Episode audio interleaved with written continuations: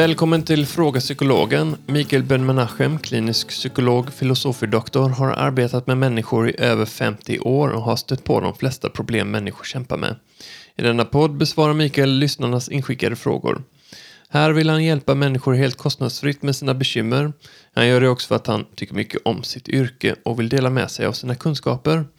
Ämnen som han tacklar är allt från att hantera ångest, äktenskapsproblem, fobier och mycket, mycket mer. Själv heter jag Kalle och är med och läser upp frågorna för Mikael. Hej Mikael! Hej på dig! Så det är ett par föräldrar, Tobias och Eva, som har en fyraåring som heter Ludvig, kallas för Ludde. Eh, som numera går på dagis och är ute ur den här bebisåldern med barnåldern. Och eh, de undrar nu föräldrarna hur mycket ska man som förälder skydda barnet och hur mycket ska barnet göra själv? Okej. Okay. Låt mig först eh, redogöra lite grann om vad händer när föräldrarna kommer hem med bebisen från sjukhuset. För att det hela mm, börjar egentligen eh, redan eh, tidigare. Barnet är ju hundraprocentigt skyddat i mammas mage. Allting är ju kontrollerat av naturen. Temperatur, eh, näringstillförsel och så vidare. Så barnet behöver inte göra någonting. Bara växa, växa till sig. Att alla organen utvecklas. Tills det är dags att eh, komma till denna värld. Och föräldrarna börjar då känna ett ansvar. Och det gör de redan tidigare. Att eh, skydda mamman, att eh, hon inte eh, utsätts för eh, olika farliga ting. Det kan vara allt möjligt. Att hon eh, har en, en bra och lugn och behaglig tid. Vi vet idag att eh, barnet registrerar allting. Och barnet eh, kan notera även mammans olika känsloförändringar. Så att egentligen det här skyddandet av eh, barnet börjar redan innan barnet är fött. Om man nu äh, talar om en äh, nyfödd kyckling och äh, placerar den här nykläckta kycklingen på en påle på två meter, två meters höjd. Och där står kycklingen helt orörd.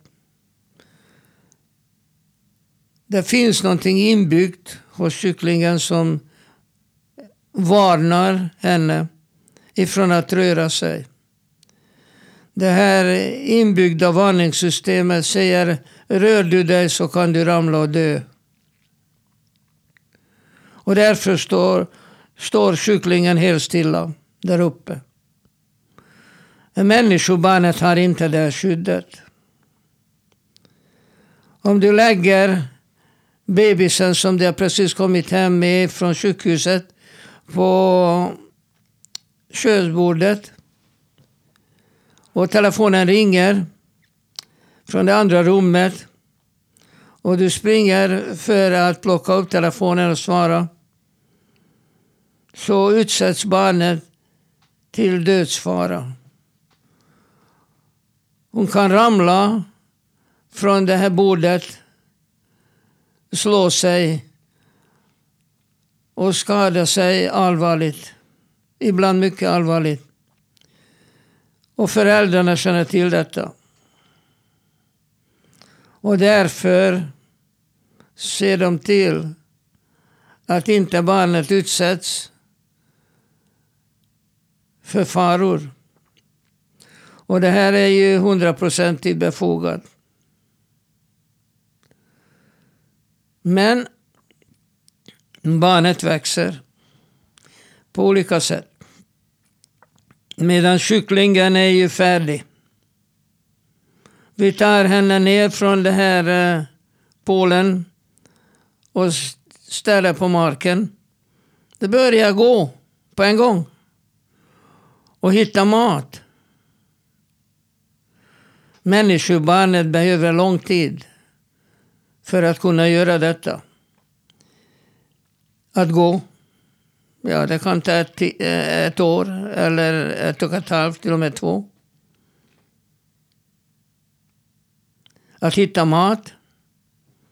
Det tar lång tid.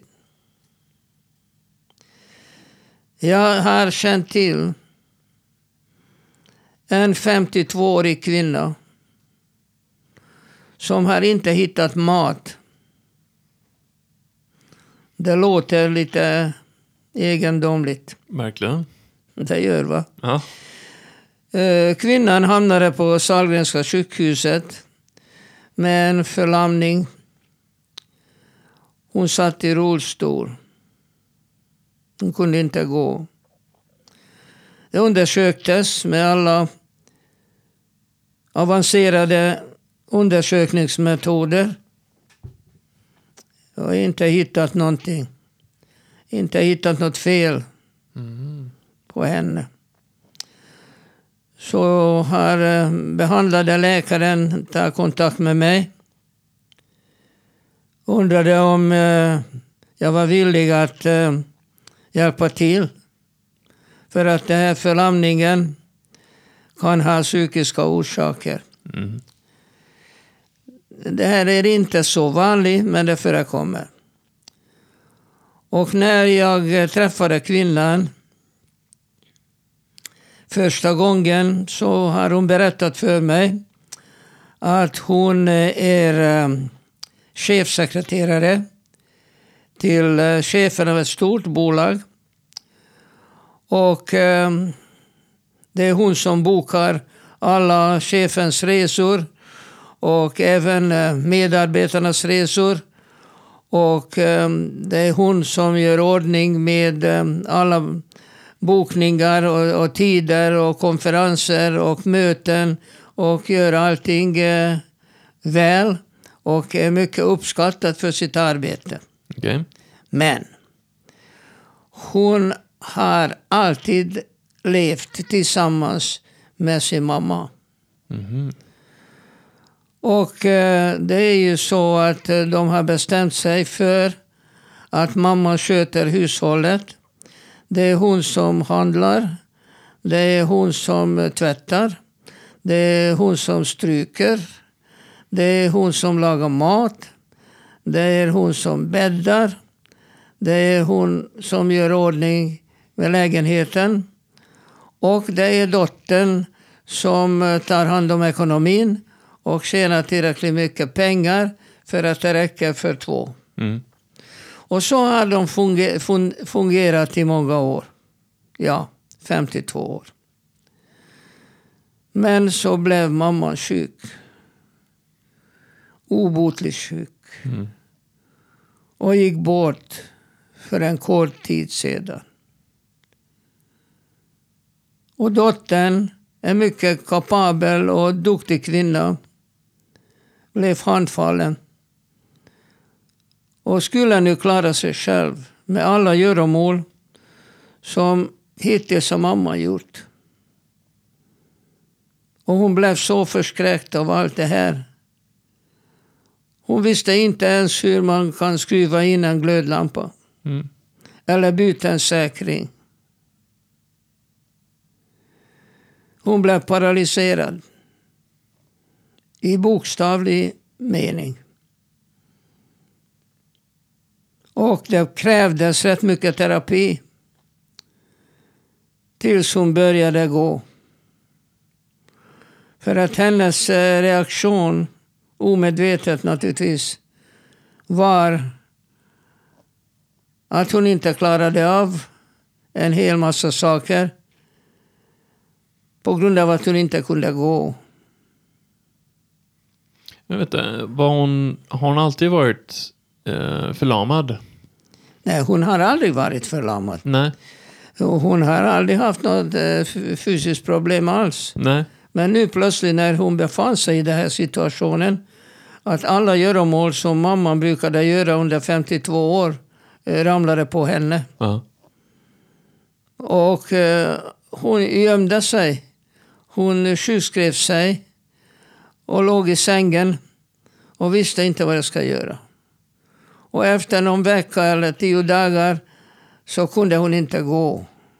Wow. Och då hamnade hon på sjukhuset. Ja. Och eh, vi förstod efter ett eh, kort tid att det är vad vi kallar med när en förälder stryper sitt barn. Mm. Stryper genom att ta hand om allting. Och på grund av att det inte finns någon föräldrautbildning i dagens skola så vet inte en eh, nybliven förälder, och inte alla föräldrar är lika ambitiösa som eh, de som ställde den frågan, Eva och Tobias, om lilla pojken Ludde. Tyvärr så är de flesta föräldrar tror att det är inbyggt hos oss föräldrar och vi vet precis hur vi ska eh, sköta våra barn. Ja, i början eh, vet vi mer eller mindre. Men även då kan man eh, eh, göra fel. Det är väldigt lätt. Jag ger exempel på det. De flesta föräldrar, framförallt mammor, eh, får en sån här viktkurva med sig från, eh, från eh, Barnmorskan. barn, barn, eh, vad heter det, barn... BVC. Ja. Och eh, de vill följa den här viktkurvan. Mm. Alltså de skaffar sig en våg. Och eh, väger barnet eh, två eller tre gånger dagligen. Det finns föräldrar som väger barnet efter varje eh, måltid. Och när barnet inte följer slaviskt den här kurvan så blir föräldrarna panikslagna. Och oroliga för att barnet inte kommer att växa. Att barnet inte äter tillräckligt mycket. Ja, så gjorde min mamma med min stora syster före och efter måltiderna. Vägde henne. Ja. Det är väldigt vanligt. Min fru har gjort det också med vårt andra eh, barn. Till sist så kastade jag ut den här vågen. Mm. Hon tyckte att det var synd. Jag kunde åtminstone försökt att sälja det. Ja. Men, men jag reagerade emotionellt i den situationen. Hur som helst, eh, framförallt eh, när föräldrarna eh, har vissa skuldkänslor. Vissa skuldkänslor att de inte gör allt för barnet. Mm. Det är mycket vanligt hos föräldrar som arbetar. Och de flesta gör väl det. Och så snart eh, mamman börjar arbeta igen efter förlossningen så plågas hon ofta av skuldkänslor, att hon inte är med sin bebis. Och framför allt eh, så när barnet är eh, väldigt litet. När barnet är i, eh, i eh, tre, fyra års åldern, då är det lite lättare. Och eh, då, då, även så eh, tycker nog föräldrarna att det är jobbigt att helt plötsligt lämna barnet och gå därifrån. Och barnet skriker ju som sjutton. Och mamman står utanför dörren och hjärtat brister. Kan jag verkligen lämna mitt barn här? Är hon vantrivs så våldsamt?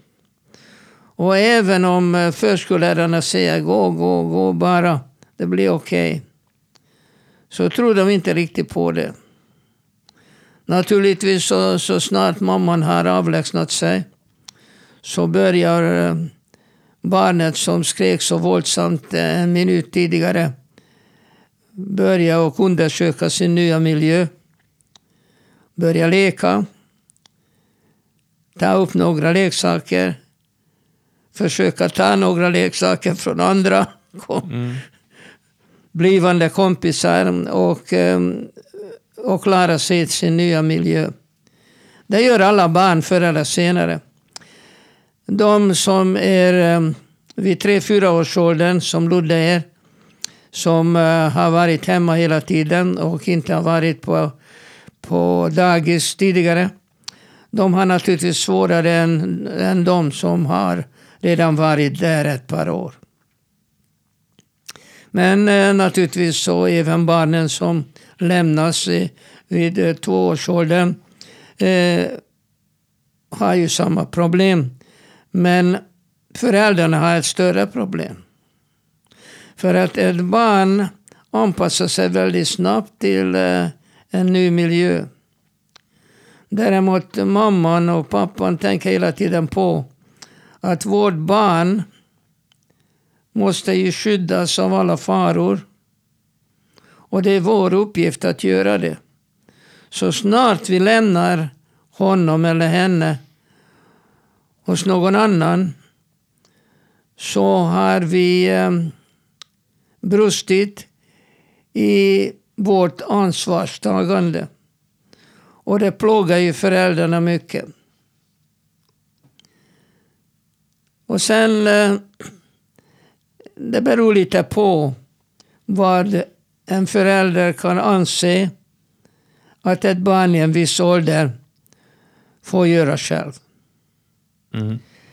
Eh, väldigt många gånger när jag ser mycket små barn med skolväskan på gatan eller till och med tar spårvagn så undrar jag om föräldrarna inte oroar sig. Det är naturligtvis eh, en hel del med samhället att göra. Miljön som vi lever i. Det finns miljöer när jag växte upp i en liten stad i södra Ungern. Det fanns bara två bilar i hela stan. Mm. Och den ena hörde till min kompis pappa som inte kunde köra. Och eh, bilen stod i garaget hela tiden. Han bara köpte det att visa att han hade råd. Den andra bilen hörde till hästdoktorn, veterinären. Och han var ju ute i, eh, på landet eh, och undersökte kossor och andra djur. Så att eh, det var tämligen eh, ofarligt för barn att vistas på gatan. Om vi nu tänker på en storstad som Stockholm. Det är otänkbart. Du kan inte låta en fyra femåring att vara ute ensam på gatan. Kan utsätta sig till livsfara. Och hur gammal ska ett barn då vara för att uh, kunna klara sig själv i trafiken? det finns väldigt många olika teorier kring det här. Mm. beror mycket på samhället, mycket på föräldrarna och väldigt mycket på hur andra i området gör. De flesta föräldrar är ju konformister. Om de ser att grannarna inte låter sina barn åka spårvagn ensamma, om de inte är åtminstone 12 år gamla, att det inte passar i det sociala mönstret att skicka iväg en tioåring eller en åttaåring att åka spårvagn själv. Ja, det är inte många föräldrar som, eh, som står emot det här sociala trycket. Mm. I själva verket så har vi inga objektiva mått på hur eh, gammalt ett barn ska vara för att kunna ta spårvagn själv. Barnets uppmärksamhet är helt annorlunda än de vuxnas. De koncentrerar sig på vissa saker. Om de leker med en boll och bollen rullar ut på vägbanan så är barnet helt fixerat på den bollen och springer efter det och tänker inte på att eh, vägbanan är farlig. Där eh, kör ju bilar och andra fordon. Och olyckor kan hända. Och hur gammal ska ett barn då vara för att förstå att jag ska inte bara springa ut till vägbanan och hämta efter bollen. Och det finns en hel del eh, trafikutbildningar som är fantastiskt bra. Och vi i Sverige är duktiga på det. Att lära barn i skolåldern, och är de i alla fall 6-7 år gamla, att titta vänster och höger innan de korsar en väg. Att gå eh, över gatan vid eh, genomgångsställen. Att se till att, eh, att de inte ser någon fordon närma sig. Det är nästan omöjligt att säga hur gammalt ett barn ska vara. För att eh, kunna lita på henne. Att hon klarar av det här mycket svåra uppgiften.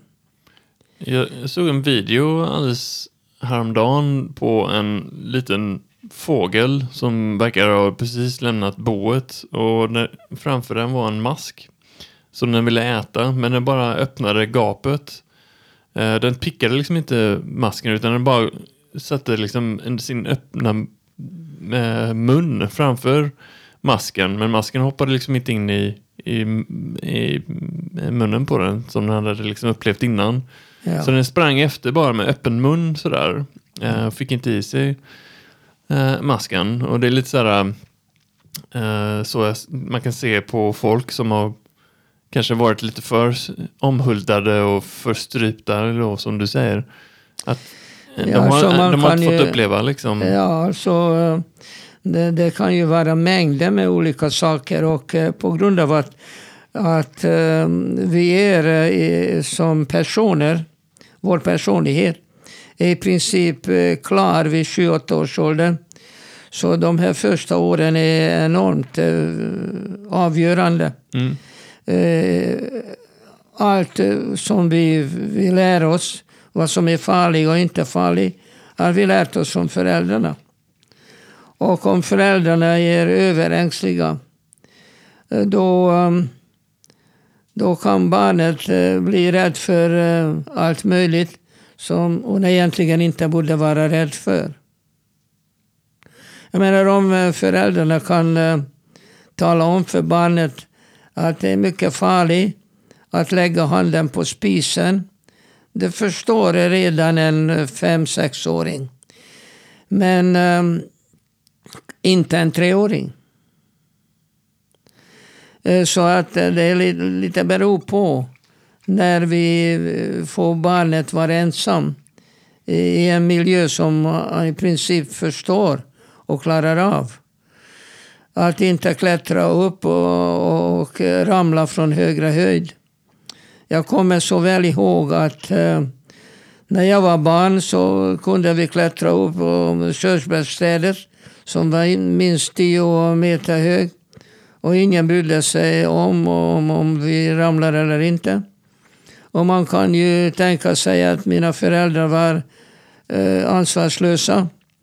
Men i själva verket så, um, utan att tänka på, eh, så på något sätt så eh, tyckte de att ja, barn gör ju sådana saker, det, det brukar de klara av. Mm. Men i dagens eh, situation där vi lever, det är en mycket farligare värld. Så föräldrarna blir eh, rädda för allt möjligt. Om, om, att, eh, om ett barn får göra det eller det eller det. Och sätter upp olika regler. Och ibland är de ju fullständigt galna regler bara för att man försöker skydda sitt barn.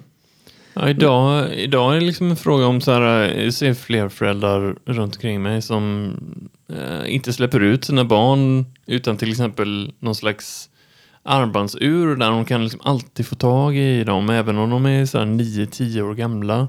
Jag minns när jag var liten så var vi liksom ute utan några mobiltelefoner och sådär när vi var åtta, sex, sju, eller inte sex, men sju, åtta, nio sprang man omkring och sådär. Och så kom hem till klockan fem för då äter vi ungefär. Vi hade en, en klocka liksom, men nu är det nästan svårt för vissa föräldrar att släppa sina barn till närmaste lekplats utan att liksom, sådär, ha någon vuxen med ja. sig eller en telefonnur.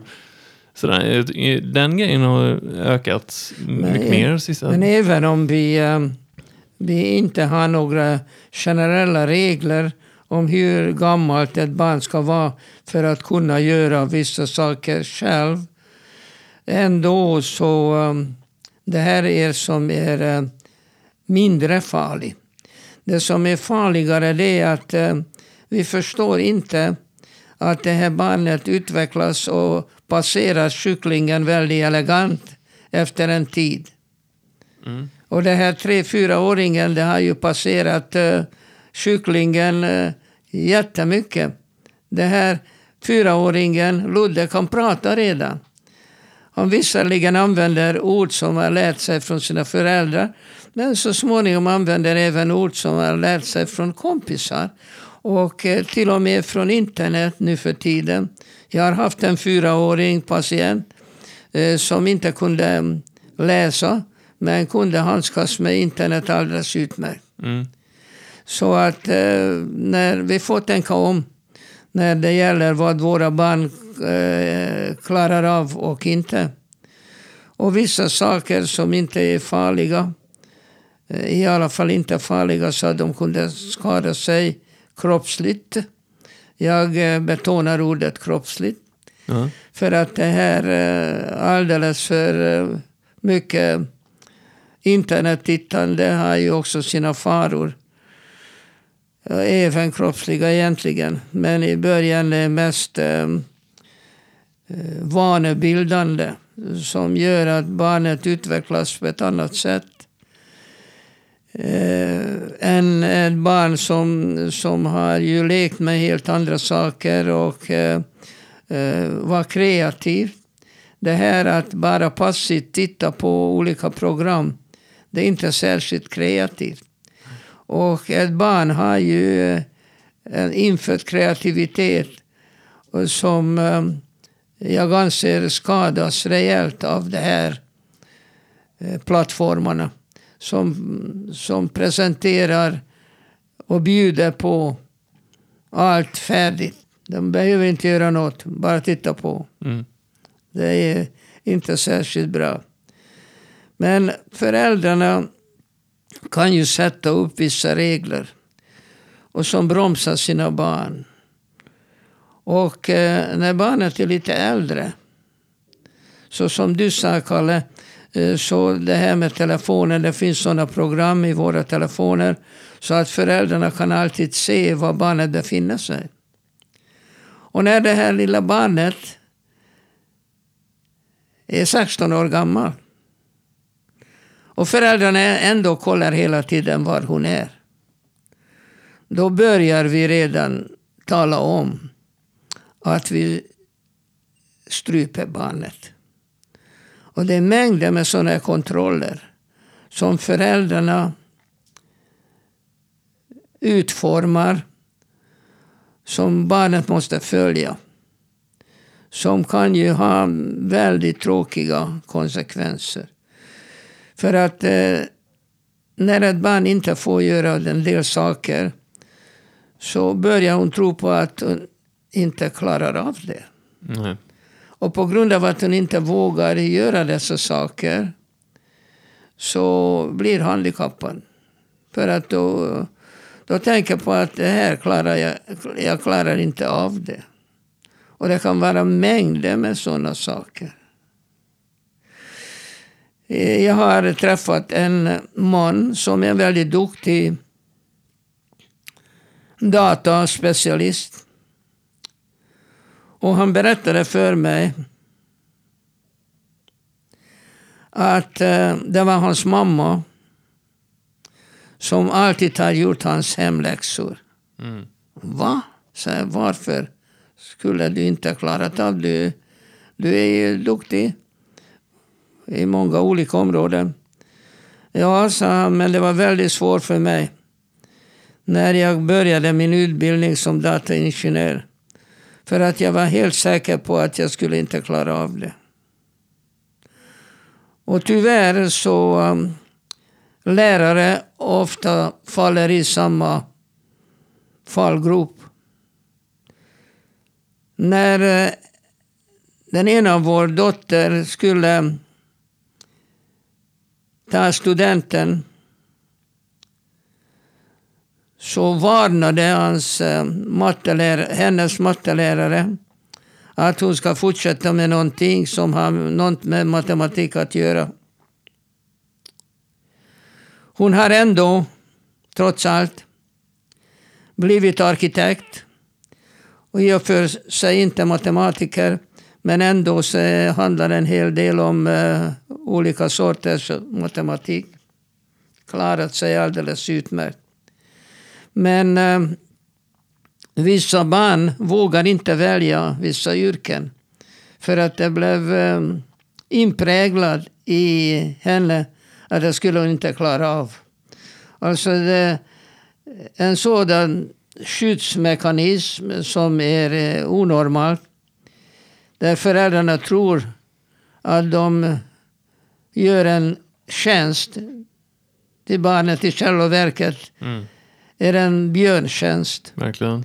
Alltså de bromsar deras utveckling och de tänker inte ett ögonblick på att de skulle klara vissa saker. Nej, förödande. När, jag, när jag frågade den här eh, patienten varför hade din mamma alltid gjort dina hemläxor i gymnasiet?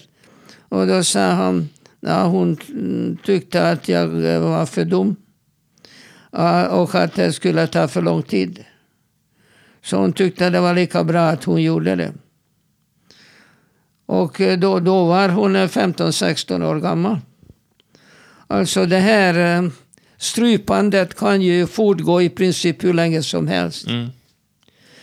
Så eh, när barnet är så litet då, då handlar det bara om sådana saker om att eh, barnet får vara ensam hemma eller eh, ute på gatan eller åka spårvagn. Eh, sådana saker. Och en del av det här kan man förstå.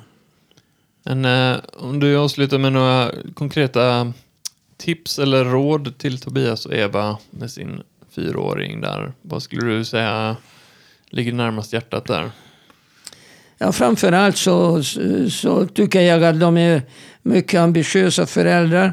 Och ambition är jättebra. Men ambition kan också leda till eh, sådana här eh, skyddsbeteenden.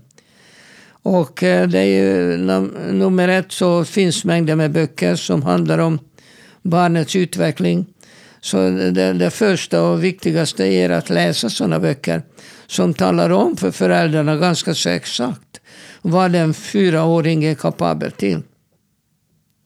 Och det är klart att det här är inte individualiserat, men ändå. Eh, då får de mängder med tips om för att det är också väldigt individuellt vad just eh, Ludde skulle klara av. Mm. Eller grannpojken som är också fyra år gammal.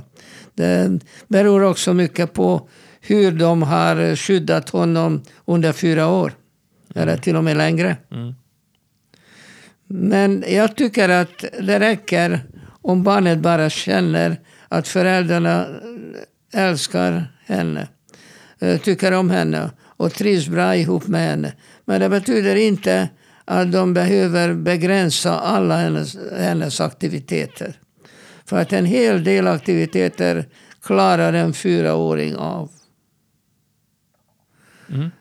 Och eh, jag tror att det skulle vara första steget att de lär sig lite barnpsykologi och lär sig om olika åldrar, vad barn i olika åldrar klarar av. Och naturligtvis så handlar det väldigt mycket om vilken miljö de lever i. Om ett barn eh, bor centralt i Göteborg eller ute på landet där det inte fanns många hus omkring. Mm. Det är helt andra miljöer. Och eh, reglerna som gäller barnet måste vara miljöanpassade. Så att man kan inte säga eh, sådär generellt vad en fyraåring eh, bör eller kan göra eh, själv och vad föräldrarna måste se till att begränsa fyraåringens liv med. Mm. Ja.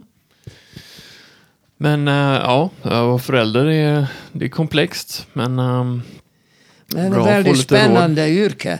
Det finns ingenting som är mer spännande än att vara förälder. Verkligen. Man möts sig själv Det är ett mycket spännande yrke ja. och ingen är fullärd. Utan vi får lära oss hela tiden, tyvärr också av våra misstag. Verkligen. Men eh, ledtråden ska vara att inte försöka och kontrollera barnet alldeles för mycket. För att den här kontrollen kan ju utvecklas till mycket tråkiga saker senare.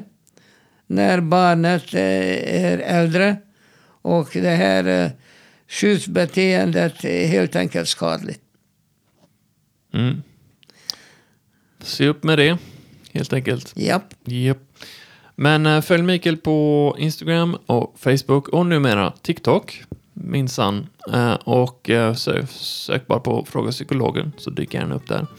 Maila honom gärna dina frågor på fragapsykologen gmail.com. Tack för den här gången Mikael. Tackar.